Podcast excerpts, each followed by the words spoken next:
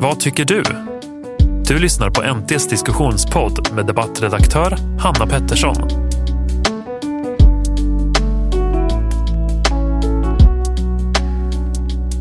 Ja, nu pratar jag. Jag ska ta en kopp kaffe här. Ja. Ja, ta här, din cappuccino då. Ja, precis. Ja, så, så då börjar vi. Men, Ja. var, men var du med i Röda Korset i Skärtjärn? Ja, alltså jag, jag har ett svagt minne av det, att vi hade URK. Ja, det hade vi. Jag var med där, men jag tror att det var under en ganska kort period. Jag var nog ganska liten också. Så jag kommer inte ihåg så jättemycket av verksamheten. Du kommer Men inte ihåg det- vad ni gjorde? Om ni Nej, första förband och sådär? nej, jag tror att vi var ju i bygdegården. eh, Ja, jag kommer inte ihåg riktigt faktiskt. Om det var julgransplundring eller någonting annat.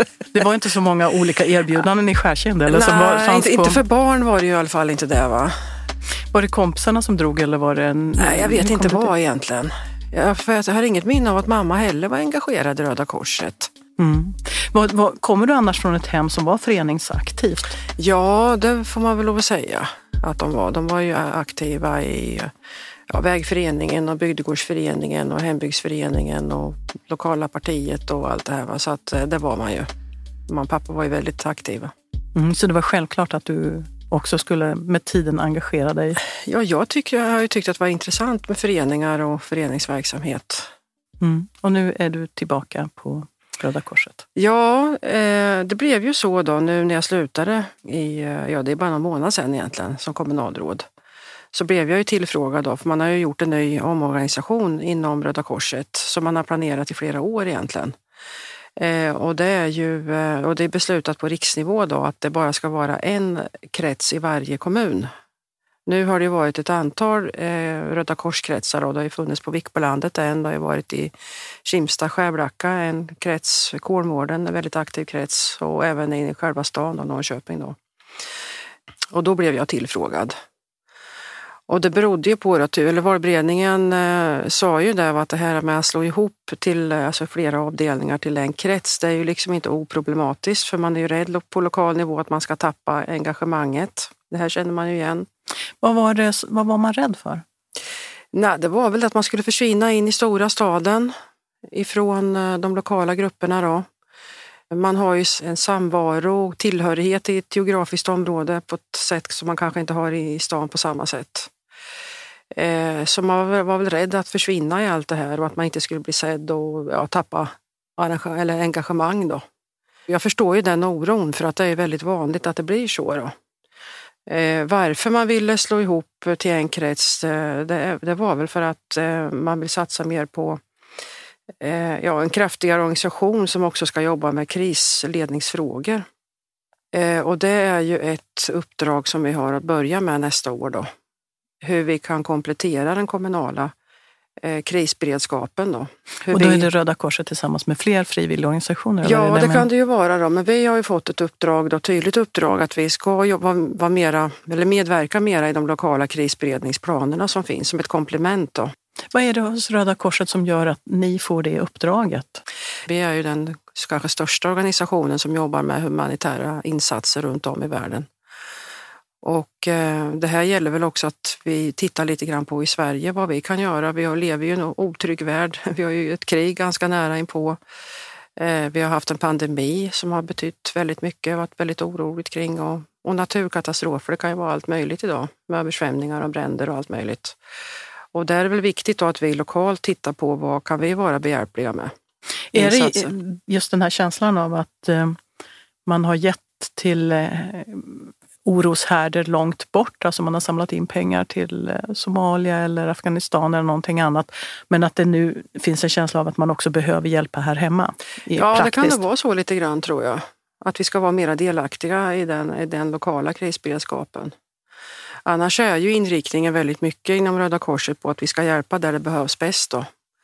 Det är därför väldigt mycket av våra pengar går ju till utlands, eh, alltså till olika typer av humanitära insatser runt om i världen.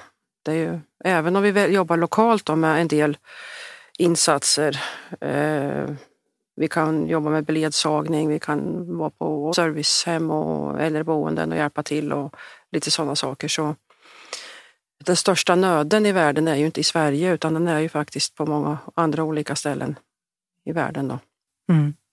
Den här krisberedskapen, hur ska det gå till praktiskt? Alltså, ska det finnas en, en ledningsgrupp inom Röda Korset eller ska det vara tillsammans med kommunens eh, Ja, det, vi har inte börjat med det där riktigt än, men jag tänker att vi behöver ha ett samtal med kommunen och höra vad, vad de ser också för behov ifrån civilsamhället vid olika faser. Vi, idag har ju vi fått ganska lite information egentligen, eh, både ifrån, om man tittar på kommunen nu då, hur man ska göra rent praktiskt egentligen, både ifrån länsstyrelse och staten så är man ju väldigt velig och inte vet riktigt hur mycket kommuner och civil, det civila samhället ska jobba ihop. Och, för det är en ganska ny fråga för oss.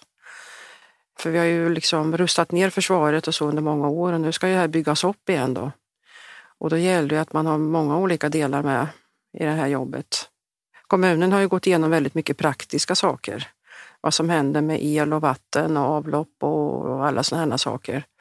Matlagning och till de äldre och sånt. Va? Men det är väldigt mycket runt omkring där som man säkert behöver ha civilbefolkningens hjälp om det händer någonting. Vad tänker du då? Enklare sjukvård, transporter? Eller vad, vad tänker ja, du på? det kan vara hjälpa folk från ena platsen till den andra. Det kan vara skjutsa folk och ja, det kommer säkert att vara bara, man kan ju tänka sig själv om strömmen skulle gå. Precis. precis. Det, det finns mycket sånt där. Va? Mm. Ja, men det där vet vi ju inte riktigt än. Det är det vi måste titta på. Och det är ett klart uppdrag som vi måste börja med nästa år, då har vi tänkt. Mm. Är det någonting som sker här lokalt då, eller är det ett arbete som sker centralt inom Röda Korset? Ja, det ska ju ske eh, lokalt överallt i Sverige är det tänkt. I alla kommuner, att man ska titta över de delarna. Då.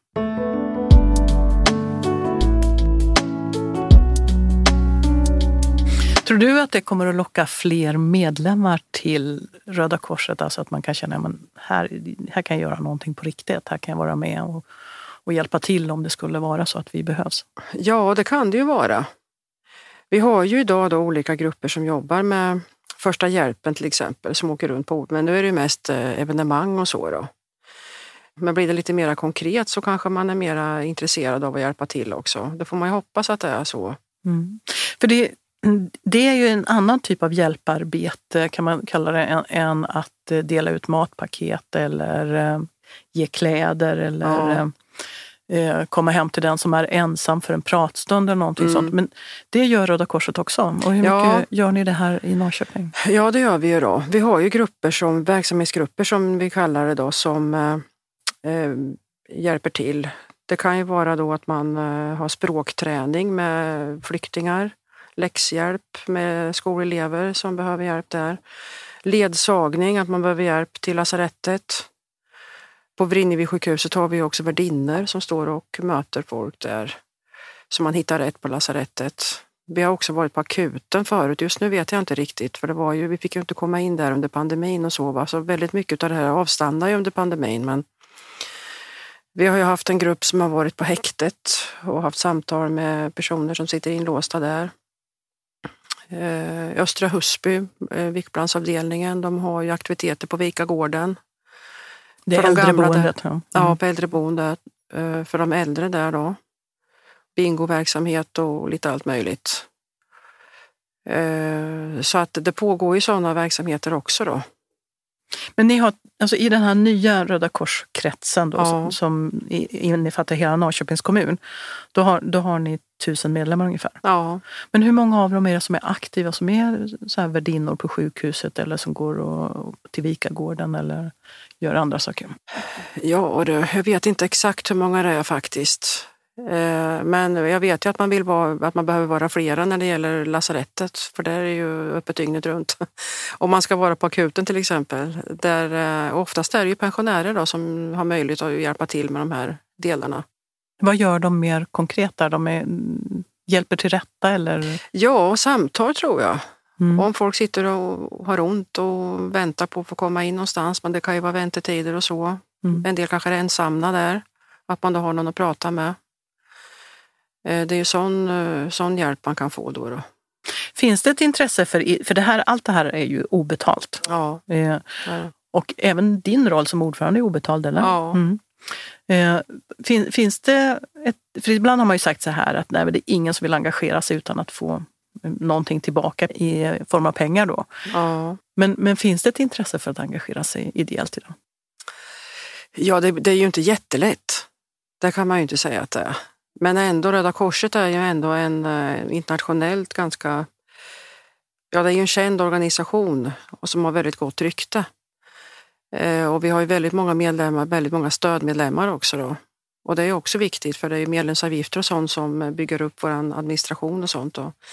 För alla insamlande medel går ju inte till eh, daglig verksamhet hos oss egentligen utan det går ju direkt till bistånd. Så därför är det ju väldigt viktigt att ha många medlemmar också. Då.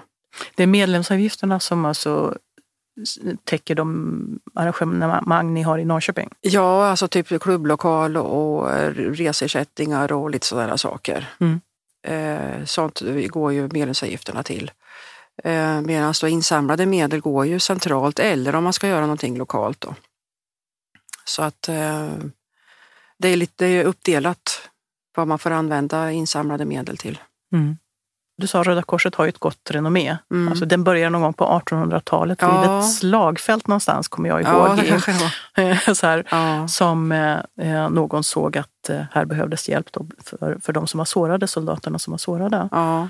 Eh, och det är ganska långt därifrån. Vad är det som gör att Röda Korset verkligen behövs bland alla hjälporganisationer idag? Ja, vi är ju, Röda Korset är ju egentligen den enda organisationen i världen där man kan komma in i oroshärdar, alltså hjälpa människor där det är riktigt mycket kris. Och det har ju att göra med att vi är en eh, opolitisk och opartisk eh, förening eller organisation som gör att vi blir insläppta i olika områden. Då. Och att vi då inte tar ställning till själva konflikten utan vi kan ju hjälpa människor på båda sidor utav en stor konflikt. Eh, utan vi, man hjälper ju då utsatta. Och det är ju väldigt mycket förebyggande arbete också i olika länder. Det kan ju handla om att eh, sätta upp toaletter eller rena vatten eller allting sånt för att liksom få det. Så det är inte bara krigsområden utan det är ju även humanitärt då, för att hjälpa människor runt om i världen. Mm. Behövs Röda Korset mer än någonsin idag?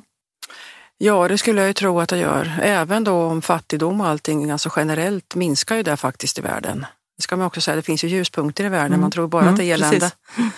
Men eh, om man ser ändå, eh, det pågår ju fruktansvärda inbördeskrig och alltså de här lägren med flickor med sexslavar och allt möjligt. Va? Det är ju alltså fruktansvärda historier. Och där finns ju Röda Korset, inte bara Röda Korset utan det är ju flera organisationer, internationella organisationer som hjälper till. Så att det är väldigt viktigt att de här organisationerna finns och någonstans ska ju pengarna komma ifrån. Och eh, om man då tittar på den verksamhet som vi har lokalt här i, i Norrköping, vi har ju Kolmården till exempel, de har ju second hand butik, samlar in pengar där. Vikbolandet, det finns ju, det är ju medlemmar som eh, väver mattor och hantverk och sen är det mängder av lotterier. Det är ju riktigt folkrörelsearbete egentligen. Eller om man har en mannekänguppvisning till Kimstad eller Skärblacka för att dra in pengar. Så det är väldigt mycket, det är väldigt mycket socialt också och väldigt mycket arbete som kvinnor gör i våra föreningar.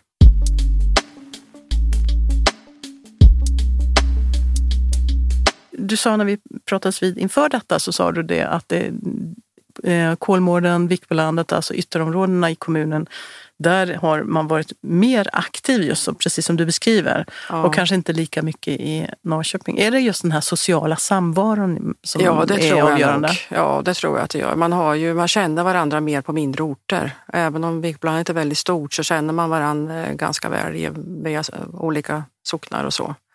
Och en social samvaro. Där har man ju en lokal också som man träffas. Men det blir det också lite så här, alltså fördomsfullt då, så tänker man så här, ja. det är en liten tantorganisation ändå med Röda ja, men Korset. Tanter är bra vet du. Det är själv en tant. Va? Det, alltså, man får ju lite gjort. Ja, så ja det är väldigt bra. Ja. Eh, så där ska man inte, alltså, det är, ju, det är ju kvinnorna som håller uppe väldigt mycket av engagemanget. Mm. Absolut. Mm. Och vad pengar kvinnorna samlat in, alltså genom handarbete och hemslöjd och allting. År ut och år in. Ja, det är imponerande. Handarbetar du själv? Ja, det gör jag lite grann då. Har du, har du gjort någonting till? ja, men jag måste väl göra det nu. Nej, men jag väver ju också då, så att jag eh, väver själv. Så att det får väl ta och skänka någonting till. men, men Samtidigt kanske man måste förnya en, en organisation. Alltså, kan man leva på lotterier och, och vävt och, och auktioner och så här? Ja. Och, eller bössor? Alltså det, det... Nej, det, det, får man väl titta lite grann på, men hittills så är det ju det som hållit uppe det hela. Faktiskt. Och det är ju att dra in pengar. Just att eh, arbeta med handarbeten och så vidare. Att människor, ja man köper ju lotter, man tycker det är trevligt. Va? och ja. det drar in pengar. Har, vet du hur mycket pengar som har dragits in under, under förra året? Nej, det vet jag faktiskt inte Nej. riktigt. Jag har läst att de här, eh, det är såna här sparbössor som står ute vid mataffärer lite överallt och det var väl 30 000 någonting här inne i stan. Men det är mynt som ni det, får idag? Visst, och det är också ett kuckel med de här mynten har vi förstått, för det är ingen som vill ta hand om dem längre. Nej, ni kan inte växla in dem på bankerna eller? Nej. Oj, vad, vad gör ni då, då? Ja, det var ju någon, eh, det var ju någon kassör som hade tagit de här pengarna själv så att säga, tagit från sitt eget konto, om det nu var 3000, tagit från sitt eget konto och satt in dem på Röda Korset.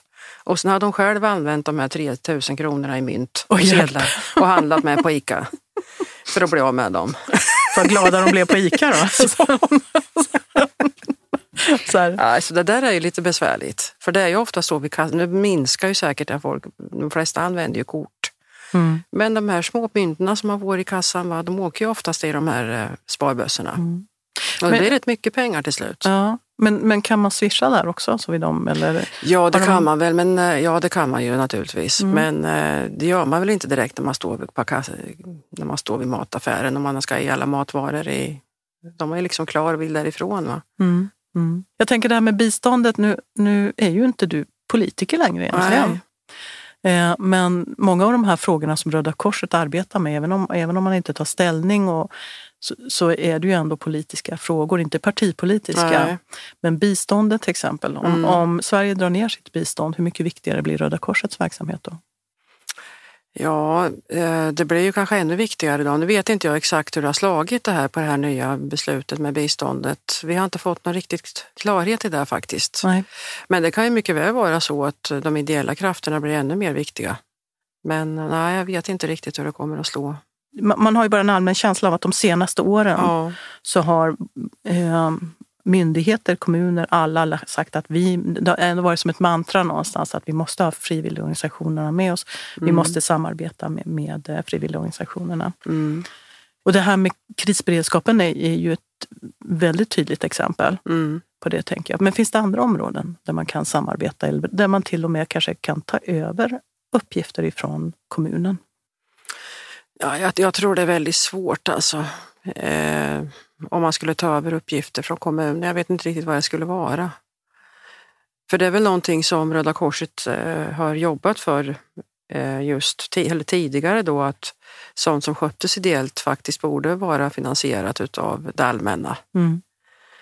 Så att eh, just idag vet jag inte riktigt. Det finns ju frivilligcentral när människor hjälper till och vid olika delar och vi hjälper till när det gäller ledsagning och sådana saker. Men men sen har vi ju en socialtjänst och vi har eh, försörjningsstöd och allting sånt. Va? Så jag, vi kan ju kanske hjälpa till lite på toppen där men i det stora hela tror jag inte man kan kräva av ideella organisationer att gå in med så väldigt mycket mer. Finns det någonting som ni gör idag som, som det allmänna borde egentligen ansvara för? Om man vänder på frågan. Ja. Alltså om man tänker på sjukhus och så här till exempel, det borde vi väl kanske... Nej, idag är det ju frivilliga som hjälper till vid entrén på sjukhuset och sånt. Det, sånt kanske man skulle kunna sköta på inom regionen istället med den vanliga personalen. Mm. Sådana saker. Det, det, här att hjälpa till rätta på sjukhuset, ja, att, att lugna, att prata, att vara, ja. om, den här omtänksamheten ja. som, som de visar.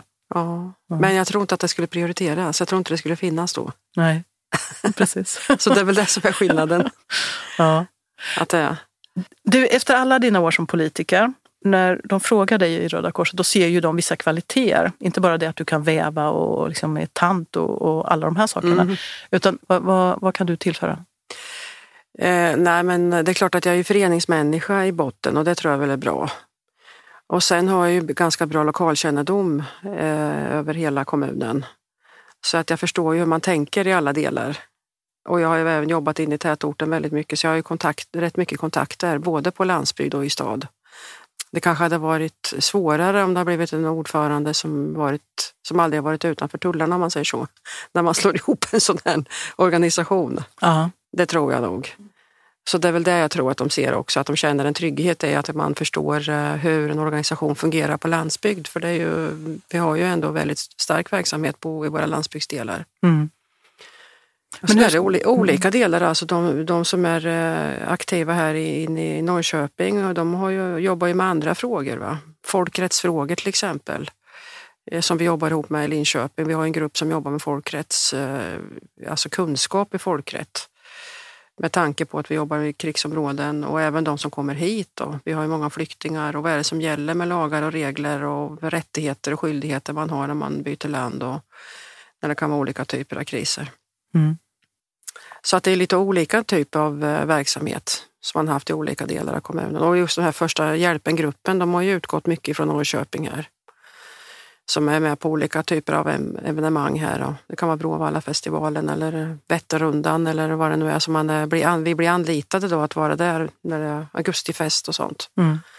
Det är en annan typ av människor som jobbar i de grupperna. Så att vi behöver ju båda delarna, det är väldigt viktigt. Och sen har ni fortfarande en stor kursverksamhet med första hjälpen? Och, eller? Ja, det, så är det ju då. Man får ju mm. utbildningar i det. Eh, som medlem eller för alla? Ja, just det. Ja, det vet jag inte riktigt faktiskt. Eh, hur det är med det. Men jag vet ju att de som jobbar i de här grupperna, de måste ju ha utbildning för att åka ut på fält så att säga. Mm. Eh, men jag kommer tillbaka till det här, för jag, nu vet inte jag alls, utan nu, nu mm. gissar jag verkligen bara. Men jag tänker att medelåldern är ändå ganska hög i organisationen. Mm. Och eh, mm. alltså, hur, hur ska ni nå ut? Hur ska ni förnya Eller ni kanske ja. inte behöver förnya er, men, men ni kanske måste få andra grupper intresserade? Ja, det har vi, vi har väl inte kommit, vi har inte börjat diskutera det än riktigt. Det är väl en av de frågorna vi måste titta på när vi börjar och vi har inte gjort vår första verksamhetsplan än då i det nya. Men eh, vi måste ju synas naturligtvis när det gäller sociala medier och, och alla de delarna då och tala om vad, man kan, vad vi kan erbjuda. Och, och sen är det ju så att man måste ju också ha en verksamhet som kan generera pengar på något vis då. Eh, för det är det som vi jobbar väldigt mycket för. Mm. Och det är möjligt att man kan, ha, man kan förnya olika, men om man tänker som eh, Kupan uppe i Krokek, alltså den verksamheten där, även om det kanske är eh, mestadels äldre personer som jobbar där så drar det ju till sig väldigt mycket människor som är där och handlar och det är ju från alla åldersgrupper. Eh, så att en sån verksamhet tror jag ju kanske lockar till sig flera yngre än vad det gör äldre, jag vet inte. Men sen är det ju med tiden med. Det är ju så att när man blir äldre och pensionär så har man ju mer tid att ägna sig åt frivillig verksamhet. Man måste ju ha respekt för det också. Mm. Ja, det, absolut. Måste, ja. Men, men um, samtidigt så måste man ju eller du tänker att det sköter sig själv? Nya pensionärer kommer hela tiden. Ja, det kan ju vara så. så, så en, jag är också ja. där snart. ja. Men du, fyllde, du, du fyllde 60 år, ja, eller hur? Ja. ja. Du verkar ganska nöjd med att ha lämnat liksom, heltidspolitiken. Ja, det tycker jag nog. Jag har hållit på väldigt många år. Så att eh, det, det, känns väldigt skönt faktiskt. Att mm. lämna över till den nya generationen. Mm. Men, du, men du fortsätter som centerpartist? Du lämnar inte partiet? Nej, nej då, en ska de inte bli av med. Men. Fantastiskt. Jättebra. Ja. Tack så mycket för att du kom. Ja, mm. tack, tack. Vad tycker du? Skriv till debatt nt.se. Ansvarig utgivare Fredrik Lagerqvist, chefredaktör på NT.